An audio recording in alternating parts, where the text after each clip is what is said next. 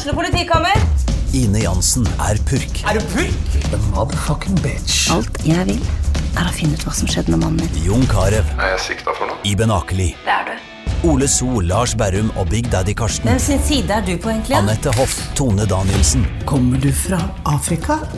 Jørnis Josef, Nesten. Kløfta. Trond Espen Seim, Det er synd å si det, men det var feil mann som døde. Purk. Premiere tirsdag på TV2 Play.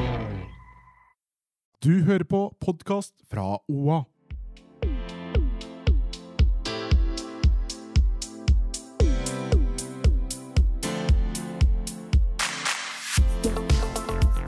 Velkommen til en ny episode av På ekte med Hanna Barda og meg, Marte. Hanna er sjukling i dag. Vi har henne på tråden. Det er første gangen vi er med én i manko i studio. God Ja, jeg skjønner at det er litt uh, kjipt uten meg uh, i studio, altså. Ja, det, Men uh, nå har jeg prøvd både smertestillende og energidrikke og sove for å bli kvitt denne hodepinen, og den blir ikke borte. Har du prøvd vin? Nei, jeg tror ikke det hjelper mot hodepine. Og visst gjør det det, for du søv som et barn etterpå. men du hadde jo hatt så nytte av det vi skal snakke om i dag. Vi skal jo snakke med psykologen. Det hadde du gleda Ja, deg og Hvorfor mener du at jeg hadde hatt så mye nytte av det? Fordi du sier hadde jeg vært rik, hadde jeg gått til psykolog hver dag. Det er du som har sagt det. Nei! Hanna, Hanna er jo også pro-psykolog. Sorry, Mac, men eh, hadde Ja, jeg er jo egentlig det. Men jeg har ikke lyst til å på en måte dra til det heller. Da. Jeg bare noe jeg kan si nå, for jeg ikke har penger til å dra. Så da kan jeg liksom være late som det er sånn woke, på en måte. da. Ah, Ja. Aha. Hvor mye koster en Mm. psykologtime? 1500? Ja Ja. Pluss minus Ikke 1500, sant? vil Men tro. det er jo et par sko, det. Som jeg har med Ja, altså, jeg vil si- mye lenger enn en time. Ja, det er akkurat det. Min psykiske helse er ikke verdt 1500 kroner timen. Nei. Men jeg får jo mye psykisk hjelp øh, gjennom å kjøpe et par nye sko.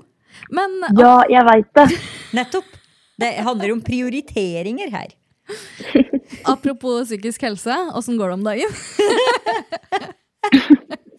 Eh, Jeg vil bare si at jeg eh, brøt min, mitt sølibat med alkohol. Jeg I helga. Metoo!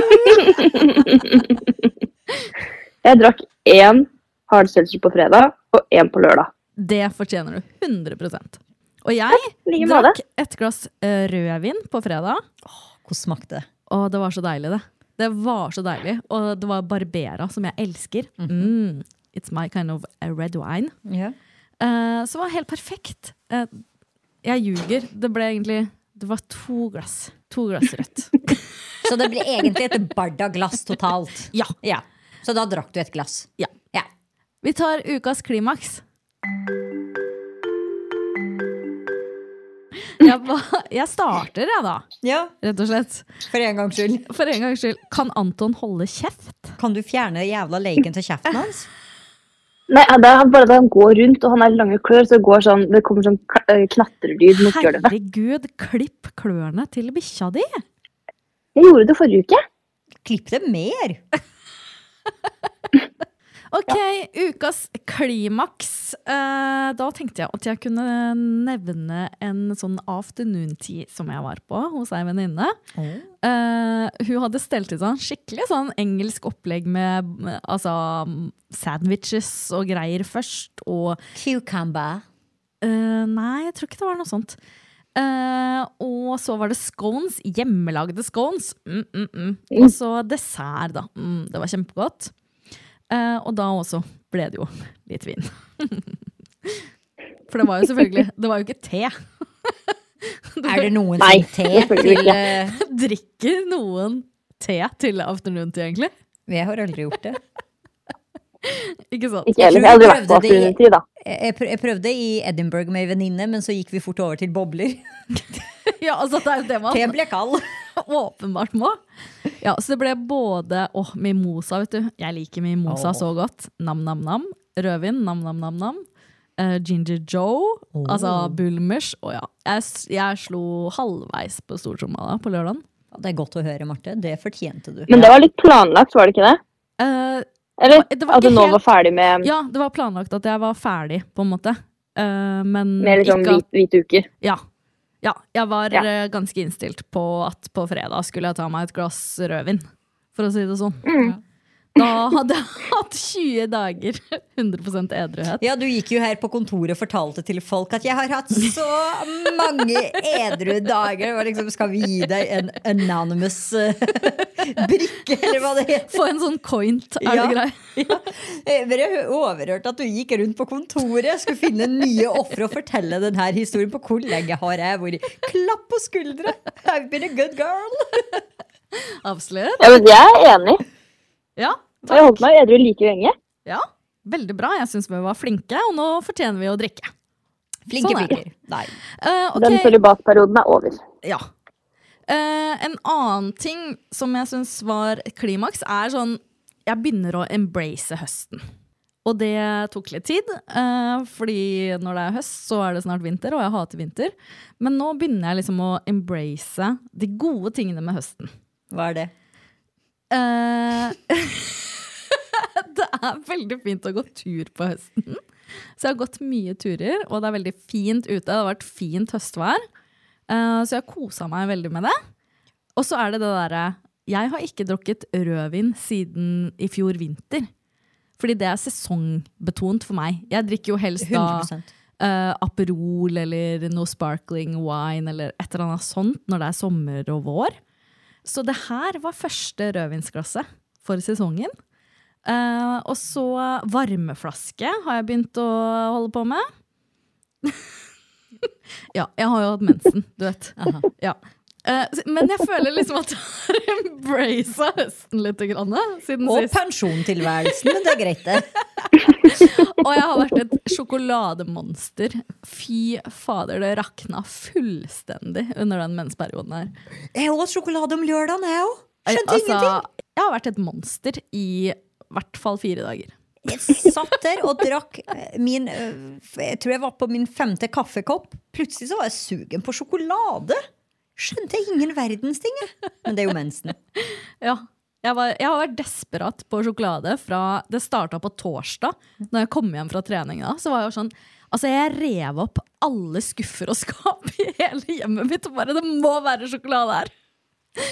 Fan, fant jeg en, selvfølgelig. Gjemt i en skuff.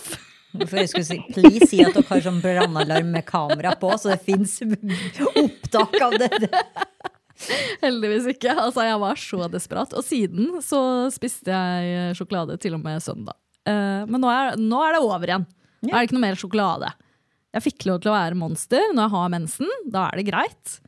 Nå er det skoledag. Nå er du Ja, tilbake, nå er vi til, tilbake igjen. ja, ja, ja, Ja. til, til normalen. Ikke sant? Ok, men hva med Og da har du ikke lov til å spise godteri? Eller sjokolade? Mm, jo, jeg har lov, men ikke sånn å være et monster. Sånn Ikke som jeg har Walking. Dead-tilstander. Nei, altså det var sånn Ok, Men du har lov på helg, liksom? Eh, Ja, litt, men Eller? ja, mm, jeg prøver å ikke spise så mye drit. så får vi se åssen det går. Men det er ikke sånn men, men det har gått helt fint ikke sant? å ikke spise drit. Fram til sånn når du får mensen, så blir jeg et monster, og da Da må man bare altså chugge det inn. Ja. Men ok, deres ukas klimaks. Hvilken klimaks? Antiklimaks kan jeg gi dem mange av. uh, veldig mange, faktisk. Nei, jeg startet jo med vin på torsdag, jeg. Hadde jo en helt jævlig dag om torsdagen. Var ute og spiste middag med, med to venninner. Og så satt jeg bare der. og Jeg var ikke godt selskap, for jeg bare satt der. Og plutselig så sa jeg jeg må bare ned på polet en tur. Så jeg dro fra dem, gikk ned på polet, kjøpte to flasker hverdagsbarbera. Nå har jeg falt av på hva som er din ukas klimaks. Ja. Det er ingen. Okay. Jo, jeg gikk tur med Hanna og Anton om lørdagen. Det var koselig. Jeg trente mye. da. Jeg trente på fredag, jeg trente på lørdag. hvor Var jeg og sprang mila på tredemølla, og så for vi på en nesten to timers tur. Eh, Så det var jo koselig. Ok, Hanna, har du noen ukas klimaks? Eh, jeg ordna en ny sele til Anton. Ja, den var cute. Jeg syns først den var stygg, fordi jeg så bare det som var den fargen inni. Ja, det var veldig åpenbart at du syns det. Og det var det første sånn Å, fy faen, er det styggeste jeg har sett. Så var jeg sånn, her kjøper man noe nytt, og det Hanna skulle vise den til meg. Hva, Barda, hva syns du om de nye selene til han? Hanna, Marte syns de var stygge. Ja, men det, hun viste bare et bilde altså sånn på internett, og da så det ut som det som var inni selene, på en måte var fargen utapå. Oh, ja. Og det syns jeg var stygt. Den Ja, jeg vil si at Anton sitter ved siden av meg nå og er lei seg. Eh, ja, eh, andre klimaks. Uh, jo, turen med Barda. Det var jo selvfølgelig et klimaks. Det var kjempehyggelig. Å få kaffe og etter en, en lang dag på jobb, så var det alltid godt å få en kaffe og gå en lang tur med Anton og Barda opp i skogen. Mm -hmm. slutta å være avholds. Det var en klimaks. Jo, jeg hadde en veldig god gamedag på lørdag. Etter jobb og etter tur. Vant mye på Fortnite. Det unner jeg deg. Så jeg tror, takk. Jeg tror det var den harde Chelsea som bidro litt der. Nice. Kan jeg spørre dere om noe? Ja. Åssen går Mhm. det egentlig med singellivet? Hvorfor? Hvorfor, hvorfor må du være ei kjerring? Ja, men altså, har, får, får dere det ikke noe om dagen? er det Altså, jeg ligger nå og spuner med Anton Mata, hvis det er det du lurer på. Ja, det er det jeg lurer på. Jeg pakker meg godt inn i dobbeltdyna mi. Nei, altså, det er høst. Det er liksom ikke noe sånn peak gutteperiode uh, for min del. Jeg kan nok gå på Tinder hvis jeg vil det, eller uh, sikkert bare gå på byen for den saks skyld, men jeg har, uh, jeg kjenner ikke, jeg har ikke noe overskudd til det nå. Og dating, det er en energityv, så man må ha overskudd for å orke det. Ja. Ok, men uh, vi får gå på byen snart sammen en dag, da. Ikke her på Gjøvik. Ja! Ikke på Gjøvik. Dere Kan komme til Hamar. Ja, vi, vi tar det på Hamar. Ja. Kom til Hamar, Hamar. Gjøvik, Lena, for den saks skyld.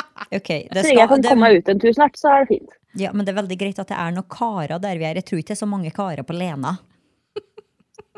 Eh, Det er overskudd med karer der, jo. Ja, av høy Det er ikke sikkert det er karer du vil ha, Nei, men det er overskudd med karer der. Nei, det er altså Etter eh, prisgalla nå så har det jo kommet noen forespørsler her og der. Og både nasjonale og internasjonale. Altså, det renner jo inn med forespørsler i innboksen. Jeg tror det hjalp å ha tits up og si at jeg var truseløs. Ja, Ja, det er et sjakktrekk. Åpenbart. Det, det skal jeg faen meg ta med på byen neste gang. Ok, men Hanna, da eh, legger vi på med deg, og så starter vi eh, temaet for dagen om eh, psykisk helse, og får inn psykologen i studio her. Ønsk meg lykke til, Hanna. Hun skal sitte på din Lykke plass attmed meg. Jeg håper at dere får noen tips til um, uh, hvordan man kan uh, deale med ting. Ja, det håper faen meg jeg òg. Jeg er litt spent på om Marte Mm, kommer til å vinne trengs. Hva Oi, vedder vi? Tror du, det er jeg òg. ja, men tror du hun kommer til å felle noen tårer eller ikke?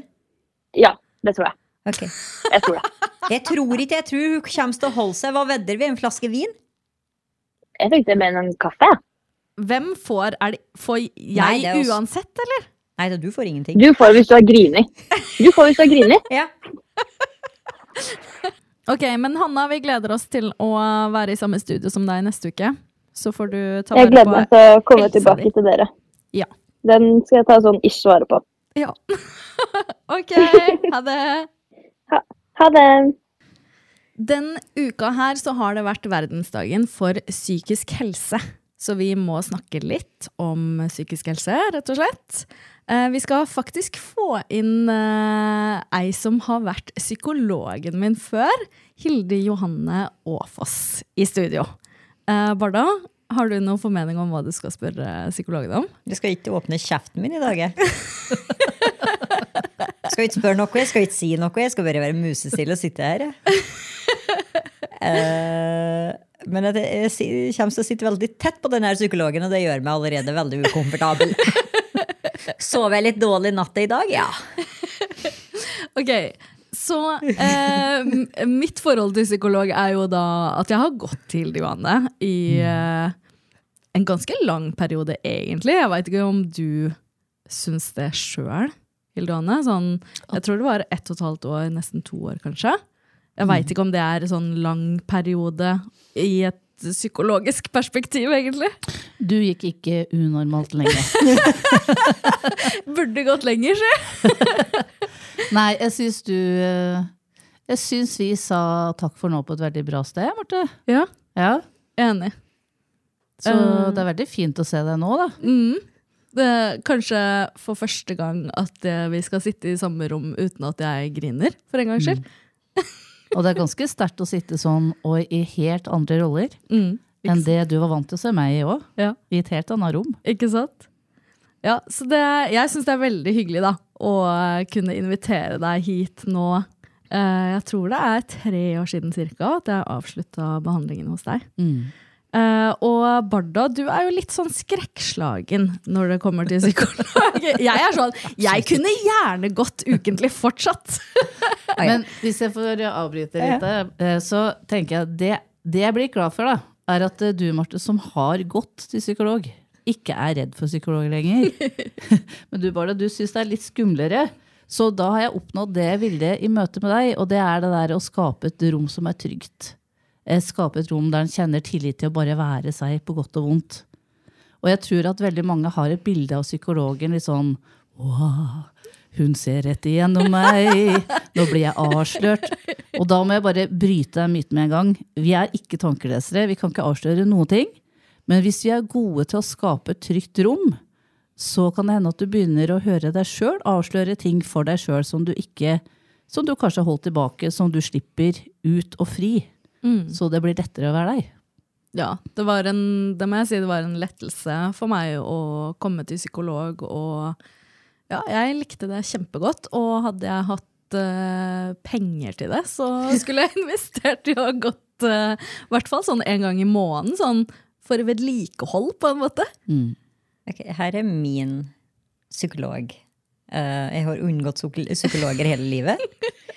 Og før i tida når jeg hadde Tinder hvis det kom en student som var psykologstudent, så uansett hvor kjekk, og om han så hadde en sixpack, så brukte jeg swipe left. Jeg bare, Nei. Vi to, vi skal ikke skrive, vi skal ikke møtes, vi skal ingenting. Takk, farvel, ha det bra. Men sånn helt på ekte, hva er det du frykter sånn med psykolog? Alt. Hva er alt? Alt. Trollkvinner, det sa jeg nettopp til deg. Du, du, du, du skal ikke inn her. Jeg vil ikke inn her. Vil ikke åpne Pandoras boks oppi her. No. Jeg er veldig flink til å presse ned følelser. Og bare stappe dem inn, inn, inn. Så eksploderer vi litt. Så drikker vi litt vin. Så går det bra, og så står vi opp dagen etter, og så tar vi en lang joggetur. Så svetter vi det ut. Ok, men uh, tusen takk for at du ville komme, da. Eh, og det er koselig å se deg i et litt annet fora enn det vi har sett hverandre tidligere. Eh, jeg er litt sånn spent på, først og fremst, eh, hva er det Når en person kommer til deg, du Hvordan starter du? Hva ser du etter? Det jeg starter med, er å prøve å lytte så åpent som jeg bare kan. Sånn at jeg blir kjent med personen. Og så starter jeg med å prøve å skape et trygt rom. Sånn at når folk kommer, så sitter ikke jeg med penn og papir eller noen ting. Jeg vil være et møte for den som kommer. Og se om jeg kan bli et såpass trygt møte at personen kan slippe skuldrene sjøl om ting er vondt og vanskelig. Og så er jeg glad i å ta litt tid at jeg sier at vi to må bli kjent med hverandre. Jeg er jo litt opptatt av at jeg er jo et menneske som personen møter, og du trenger jo liksom å få en følelse av hvem er det jeg skal åpne meg for. For det er jo sårbart å snakke om de innerste følelsene, i hvert fall til et vidt fremmed menneske. ikke sant? Så mitt første, første trinn det er å prøve å skape en kontakt som kan gi en følelse av trygghet og tillit. Det klarte du veldig fint med meg, i hvert fall. Så. Det, det var veldig bra. Men hvis du møter en person som eksempel er sånn helt lukka, mm -hmm.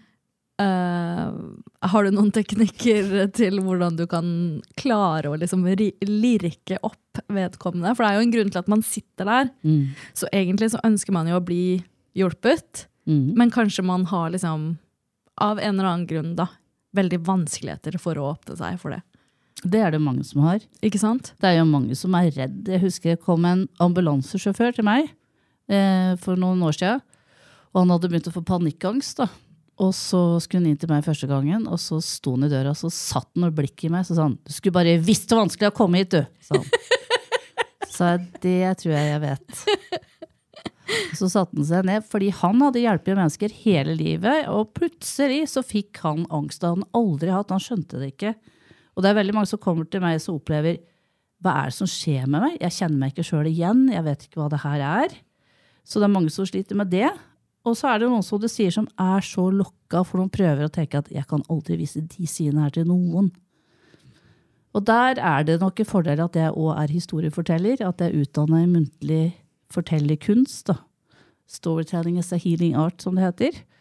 Fordi det jeg gjør når noen er fastlåst, fryser, stille, har ikke noe å si, så kan jeg dele en historie. Og det kan være en enkel vandrehistorie, men ofte er det historie, vet du hva, jeg møtte en gang en mann som, eller jeg møtte en kvinne som, for å ufarliggjøre det rommet her, og for å ufarlig Det er helt normalt, det du sitter med inni deg nå. Mange sliter, du er ikke rar, du er ikke annerledes. Og det er så viktig budskap for meg å få fram til de som kommer, da. Jeg sitter ikke og ser på deg som noe rar. Eh, Den teknikken bruker jeg på barna hver uke. Funker ikke. Funker kjempebra. Hun har åpna seg så masse i den podkasten her. Det eneste du har fått ut av meg, er at jeg liker italiensk rødt, tysk hvit og franske bobler. Vet du hva? Nå skal psykologisk psykologer si noe skremmende. Det tror jeg ikke på. Hva da? At jeg ikke liker de sortene? At det er det eneste som du har delt i podkasten her. Å nei, i podkasten her har vi delt mye. Å, her har vi sprengt alle regler. Og grenser.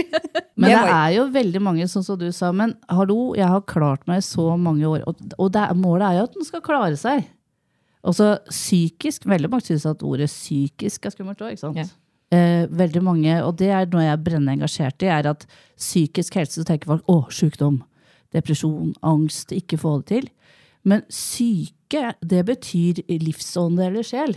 Det handler om det som gjør at du kjenner deg levende i livet ditt. At du kjenner mening og engasjement i det du gjør. Så det der å ha en god psykisk helse, da er du på, da er du med. Og så kan du ha psykiske plager, akkurat som fysiske plager. Så, så det er så trygt å snakke om fysiske helseplager, men psykiske helseplager, det er skummelt for oss. Men det er like normalt, det òg. Og det ønsker jeg at vi, liksom, vi kan få det her mer normalt å snakke om, da. Altså, hva tenker du om at vi har en dag som verdensdagen for psykisk helse? Det syns jeg er helt fantastisk. Og jeg syns det er så viktig. Og jeg ble så, I fjor så reiste jeg rundt jeg tror jeg snakka med 400 ungdommer. Så jeg reiste rundt som foredragsholder. Og da var det veldig mye om det hvor god er du egentlig til å lytte? Lytte til andre, men òg til deg selv. Og hvor god er du til å vise deg sjøl omsorg når livet krangler og står deg imot? da? Og da var det så fint å se at det står på plakatet 'Vi har alle en psykisk helse'. Fordi vi trenger å åpne det rommet her for de gode, ekte, sårbare samtalene òg. Det betyr ikke at du er feil eller sjuk eller mislykka.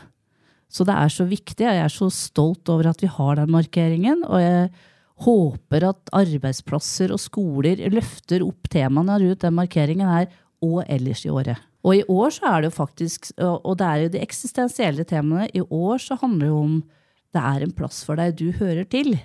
For det er jo utrolig mange som er ensomme nå i vår tid. Og bare å kunne snakke om det, at ikke det blir tabubelagt, er så viktig. Har du noen tips til hvordan man kan se, se de rundt seg? Se de menneskene man omgås? Uh, fange opp om noen ikke har det så greit inni seg, da? Det er et viktig spørsmål, fordi det jeg har sett veldig mange ganger i mitt rom, det er at når først noen åpner litt opp for å fortelle hvordan de egentlig har det, så letter det trykk med en gang. Og av og til så er det ikke noe mer magisk enn at jeg er en veldig god lytter, og at folk ser, kjenner 'oi, du ser og hører meg, du'. Ja, hvordan kan vi være den gode lytteren for andre?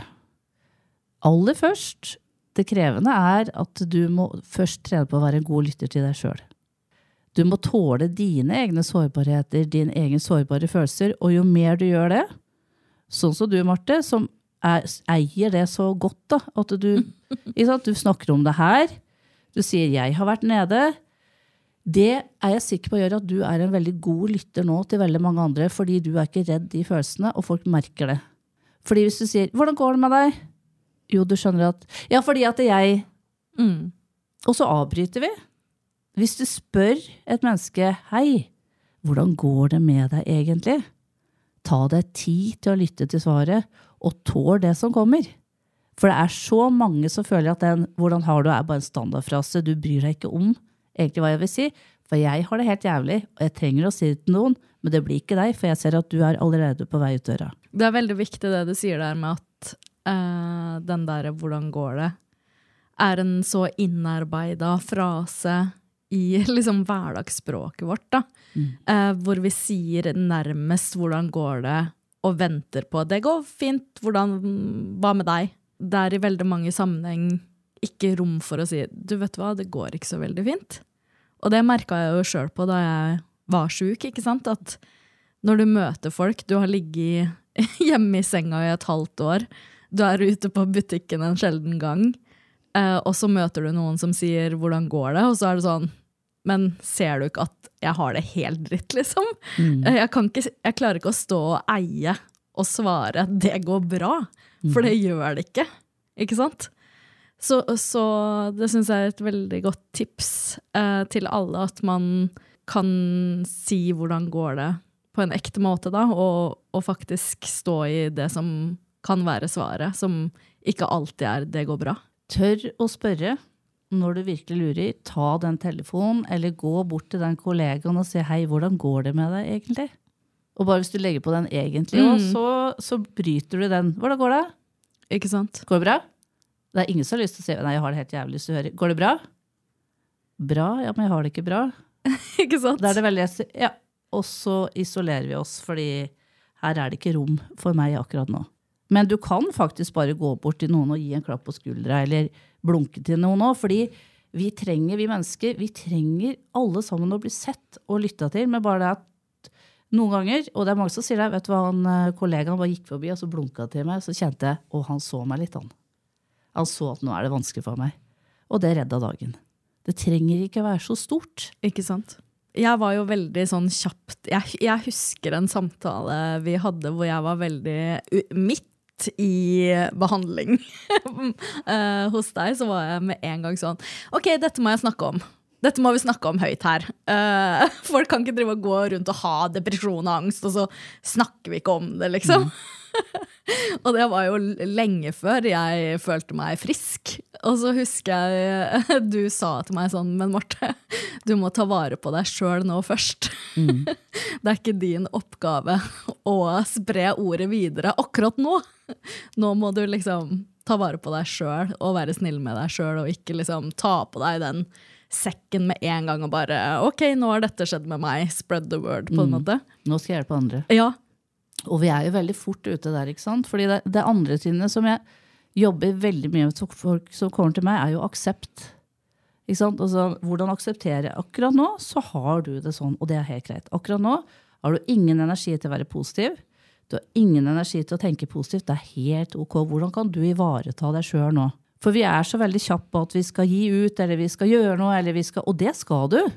Og jeg syns det var helt nydelig når du kom med den setningen, for jeg tenkte at der ser jeg ilden din. Det her kommer du til å gjøre en dag. Og det gjorde du. Men først så måtte du trene på å sette deg sjøl først. Og, og, og trene på egenomsorg. At det var helt greit at du, du dro hjem og ikke klarte noen ting. Det er ikke farlig. Fordi når vi sier at det er farlig, så presser vi oss sjøl lengre, lengre, lengre mens vi holder pusten, i stedet for å si nei, nå er det stopp en stund. Og det er ofte da magien skjer, for da snur ting. Og det som er bra med å gå til psykolog, er jo liksom at du får faktisk den andre personen til å Fordi det er ikke alltid så lett sjøl å på en måte sette begrensninger for seg sjøl hvis man aldri har gjort det før. Nei. Eh, og, og faktisk liksom forstå at eh, nå skal du ligge på sofaen, du. Mm. I en uke, to eller tre eller fire, om det er det du trenger. Eh, så det å bare kunne gå til deg, og så sa du det. At jeg skulle det. så kunne jeg gå hjem og så si at nei, men psykologen sa at jeg skal ligge på sofaen i en uke eller fire, hun så da gjør jeg det. Og det sier jeg ofte en del til en del som kommer til meg. Bruk meg, da. Bruk Ja. den psykologen og si ja, men psykologen har sagt. Det er helt fint, fordi av og til så tør vi ikke. Vi klarer ikke det. Ja, men Supert. da Psykologen sa 'fara hjem og drikk vin'. Ja. Ja, Av og til så skal du ta deg et glass vin òg. Det er helt fint. Ja, det gjorde jeg i helg. Ja. Jeg, jeg hadde jo- behov for det, og jeg gjorde det. Så la jeg meg kvart på ti på en fredag. Fordi det er med egenomsorg, hvordan, hvordan tar du best vare på deg sjøl? Vi har litt for lite fokus på det. da. Sant? Hvordan kan vi gi oss sjøl egenomsorg når livet er tøft? Jo bedre vi blir på det. Vet du hva, akkurat nå så trenger jeg en pause jeg legger meg tid. Eller akkurat nå så skal jeg kose meg med den vinen. Akkurat nå skal jeg gå i pysj hele helga og ikke gjøre noen ting. Fordi jeg trenger det. Det er så viktig, da. Det er mye viktigere enn vi tror. For det er så mange som tenker å, jeg må være flink, og jeg må få til, og jeg må gjøre, gjøre, gjøre, gjøre, gjøre, gjøre, gjøre. Og så blir vi helt utslitt av det. Ja, det må jeg si er kanskje den største lærdommen eh, etter å ha gått eh, til deg. Å lære meg å sette meg sjøl litt lengre fram i prioriteringslinja. Eh, og ikke alltid si ja eh, til ting som jeg føler at jeg må si ja til. Eh, og lære det der med at du må ingenting, du, egentlig. Eh, du må bare ta vare på deg sjøl, på en måte. Mm. Og hvis, hvis det er eh, riktigst for deg at du blir hjemme og ser på film i kveld, framfor å si ja til den middagsinvitasjonen, så er det det du kanskje skal gjøre, da. Mm. Noen ganger. Så det har jeg blitt flinkere til i mitt nye liv. Ja, men det blir jeg Å si nei. Mm. Akkurat det.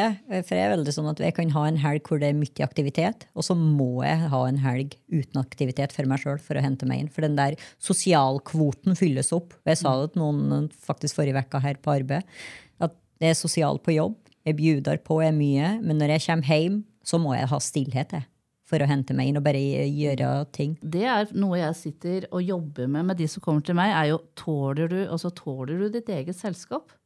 Og trives du i ditt eget selskap? Når en har, det, har blitt dårlig eller sliter, så trives du jo ikke. Da er det forferdelig. Men sånn i daglig den blir jo mye mer robust hvis du, hvis du tåler å være i ditt eget selskap. Og det der med at du må hente deg inn. Alle mennesker må hente seg inn. Alle mennesker trenger en pause. Og hvis det ikke blir på en måte sett på som normalt, så er det jo flere og flere og flere som blir utslitt. Og det er det i vår tid. For vi har så fokus, fokus på at vi skal gjøre, være sosiale, være på. Så det der er et veldig sånn sunnhetstrekk, da. Trenger ikke psykolog, jeg. Ja.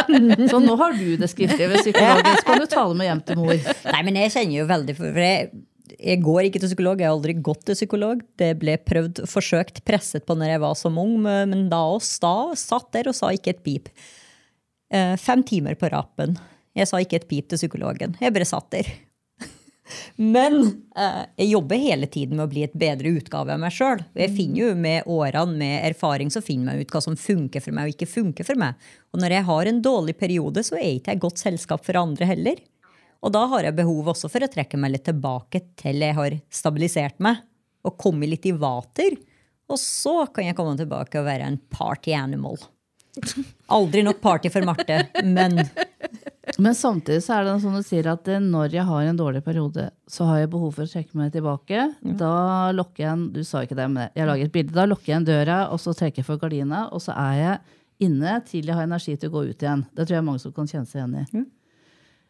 Det som er litt problem, det er at eh, hvis en begynner å få den perioden at den begynner å bli veldig tung, og en har det som strategi, så begynner en å isolere seg. Og det er det ganske mange som begynner med, for de tenker at verden tåler ikke meg hvis ikke jeg er på, så nå holder jeg meg unna. Og så begynner den tilbaketrekningen å bli mer og mer og mer.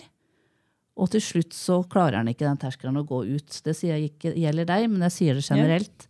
Fordi den sier jo ofte òg at eh, eh, depresjonen og angstens største følgesvenn, det er jo isolasjon.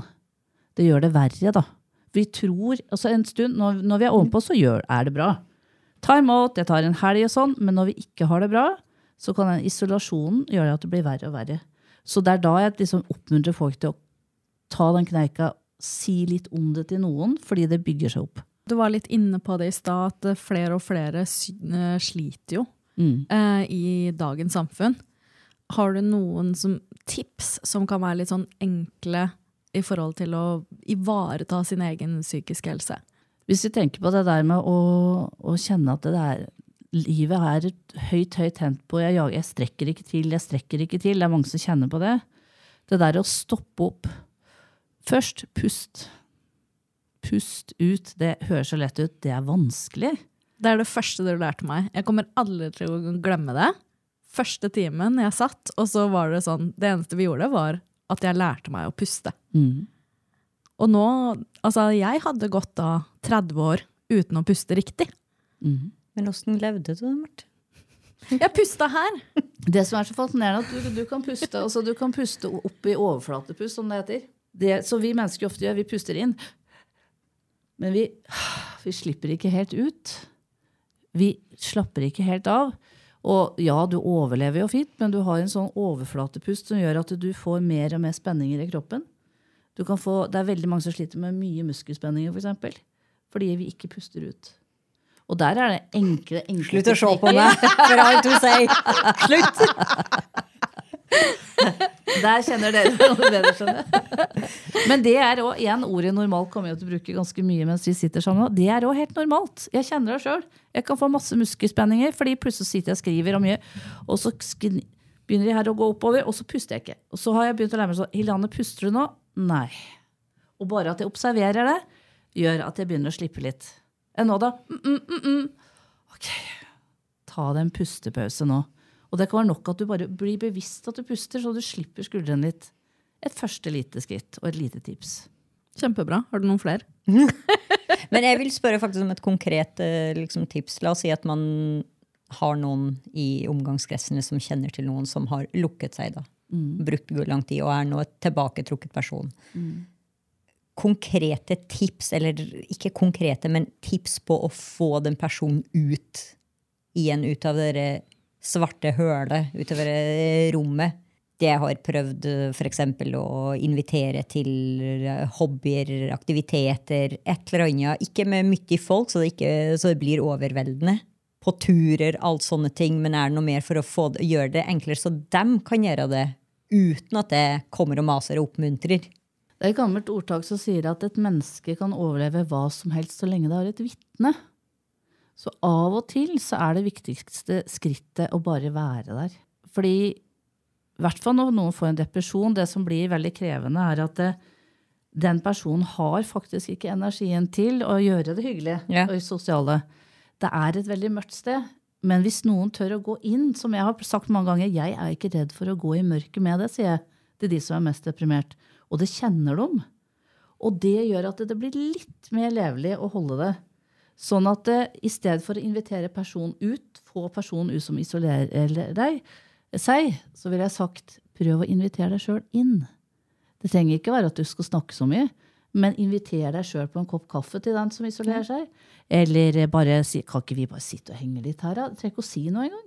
Ja, men det er sånne ting som har lagt opp til. At vi bare sitter og ser på en film, og så er vi bare i hverandres selskap. Ikke Ja. et pip. Men sier personen ja til det? Ja.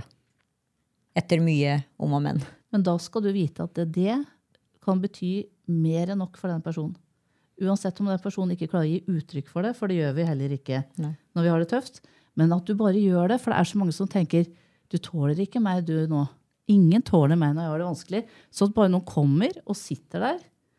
En ung mann som gikk til meg, han opplevde jo noe som er veldig tøft da han mista en av foreldrene sine. Han mista faren sin av kreft. Og han fikk jo en kjempereaksjon. Og da isolerte han seg totalt. Han ble helt mørk. Han hadde jo egentlig en sorg, men han gråt ikke. Han bare holdt stand. da. Og venner prøvde å ringe og prøvde å få han med ut. og sånn. Ikke snakk om. En dag så kom han på stua, der satt bestevenn.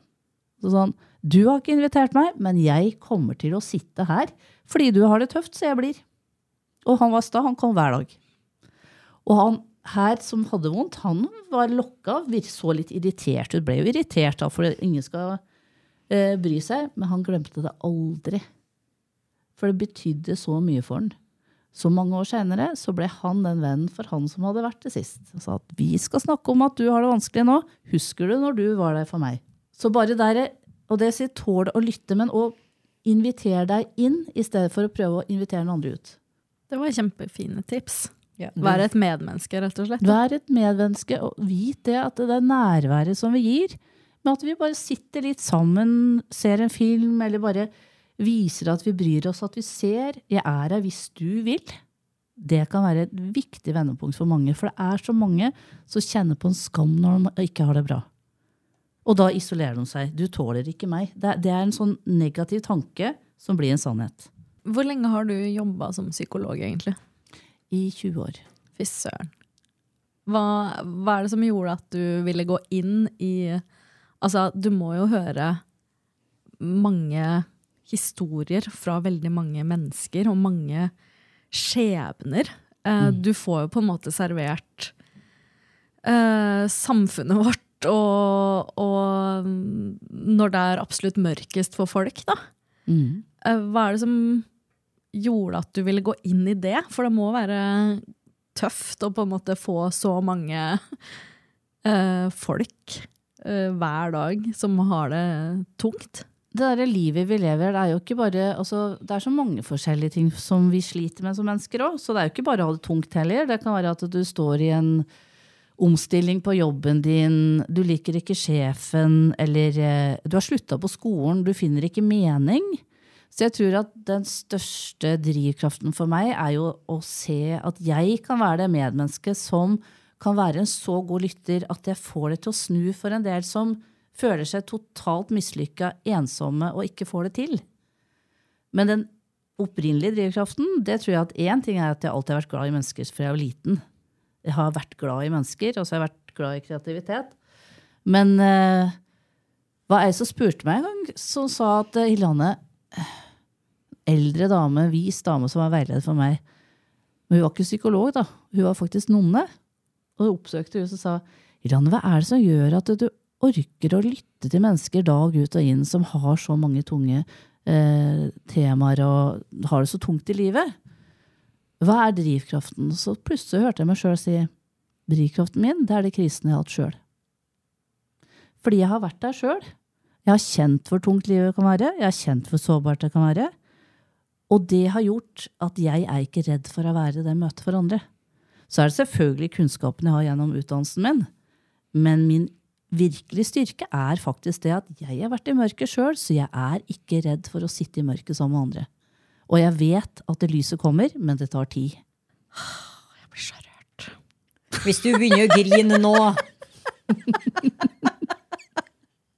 Keep it inside. Skjønner du hva jeg har med å gjøre? Altså Åh, nei, men det Hun griner jo hele tida. Jeg gjør det til vanlig år, skjønner du. Men det er det jeg tenker dere er. Dere er jo tre sikre, veldig gode matcher, men at dere er forskjellige. Det er veldig bra. Jeg er mer og mer som uh, suck it in. Kom deg gjennom dette. Ut og gå deg en tur, så ordner det seg. Men smart er Nei, men vi skal snakke om det. Vi skal komme til bunns på hvorfor Jeg har har det sånn. Jeg har gått til psykolog! Men da vil jeg faktisk spørre, for helsevesenet i Norge er jo fascinerende på veldig mange punkt. Eh, For to år siden så var jeg langt nede. Da hadde jeg et lite knekk. Og jeg hadde to veldig gode venninner rundt meg som var der og støttet meg og ringte meg og var irriterende til tider. Men igjen, som du også sa i ettertid, uten dem så hadde nok den der eh, langt ned i svartehølet vært eh, oppholdet hadde vært mye lengre. Men så går jeg til fastlegen og sier at uh, herre sliter jeg med. Det er ingen fysiske skader her. Jeg er jo frisk som en fisk. Jeg går ikke på noe annet enn Paracet i ny og ne. Eh, men slik er situasjonen. Og da får du her en ukers sjukmelding. To ukers sjukmelding. Og så skal du på Og jeg forklarer hva problemet er. Hvorfor henvises vi ikke da til en fagperson som deg med en gang? Når jeg sier at det er psykisk, det er det jeg sliter med, jeg sover ikke, jeg er stressa, jeg hva nå tilfellet var. Og så skal jeg prøve, liksom, i løpet av de to ukene da, så skal jeg prøve å få hodet mitt på plass. Du skal ut av den sjukmeldingen, du skal tilbake til den situasjonen som gjorde det vanskelig for deg. Og det var hele den prosessen ekstremt belastende. At jeg skal helbrede meg sjøl På så kort tid. På så kort tid. Uten, ja, men nå er det to uker over, så må du ringe tilbake og fornye den sjukmeldinga. Og, alt og det var noe av det tøffeste. Å være sjukmeldt pga. det. Jeg har aldri vært sjukmeldt i hele mitt liv, og det var tungt å snakke om. Det var folk som fremdeles ikke visste at jeg var sjukmeldt. Jeg sa ikke et pip om det til noen. Noe av det flaueste. Og ingenting som var brukket, ingen operasjon. Og det fant som sagt veldig slitsomt, og du ble, følte deg ikke blitt, at du ikke ble trodd på. Hvorfor ikke henvise meg hvis jeg sier at jeg sliter med det og det og det? Henvis meg til en psykolog med en gang. Lett meg få prate. Lett den fagpersonen ta seg av det. Hvorfor en fastlege? Hva faen vet du om det? Men jeg vil bare si det du sa, det med sjukmelding er så viktig det du nevner der, fordi det der gjelder jo så mange. Ja. Det er så mange som kjenner så stor skam når de blir sjukmeldt, at det blir en belastning i seg sjøl. Også på tampen, Ja. i forhold til verdensdagen, i fjor så var temaet 'løft blikket'. Så det der, bare husk det, at det tør å se de rundt deg, og tør å stille spørsmålet 'hvordan har du det egentlig?' Og vær der når svaret kommer. Kjempeviktig. Det skal jeg huske på. Siden intervjuet med psykolog Hilde Johanne Aafoss ble såpass langt, så tenkte vi at eh, vi skulle dele det opp lite grann. Eh, Derfor lager vi en bonusepisode hvor eh, vi går litt nærmere inn på hvordan eh, hjelpen er i det norske helsevesenet. Blant annet. Ok, det var Hilde Johanne Barda. Åssen var dette? Særdeles ubehagelig. Jeg er mye mer komfortabel med å snakke om sexlivet enn å sitte ved siden av en psykolog. Ok, Men det kommer jo med veldig mange bra tips. Ja. eh, som jeg tenker folk eh, kan ta med seg. Og spesielt det der med å spørre åssen det faktisk går med folk. Det syns jeg er uavhengig om det er en psykolog eller whatnot, så syns jeg det er viktig å vise at man bryr seg om hverandre. da. Ja, og det er det ingen tvil. Og uten folk som, i omgangskretsen som faktisk bryr seg om oss, så hadde livet vært jævlig, jævlig tungt. Enig. Ja, men uh, altså, Det var en hyggelig samtale. Det er helt greit om hun ikke kommer tilbake. Ok, jeg håper vi kan få henne tilbake. Ja, da er jeg sjuk. Da er jeg bortreist. Da ber jeg om permisjon. Ok, men Tusen takk for at du hørte på den ukas her episode av På ekte. Vi er tilbake med Hanna i studio neste uke. Så får du følge oss og rate oss på Spotify eller der du hører på podkast. Så snakkes vi. Hei det og Adios.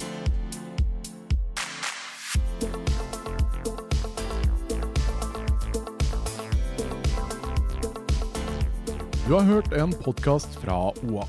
Ansvarlig redaktør Erik Sønsli.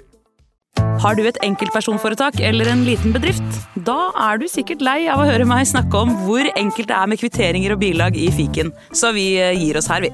Fordi vi liker enkelt. Fiken superenkelt regnskap.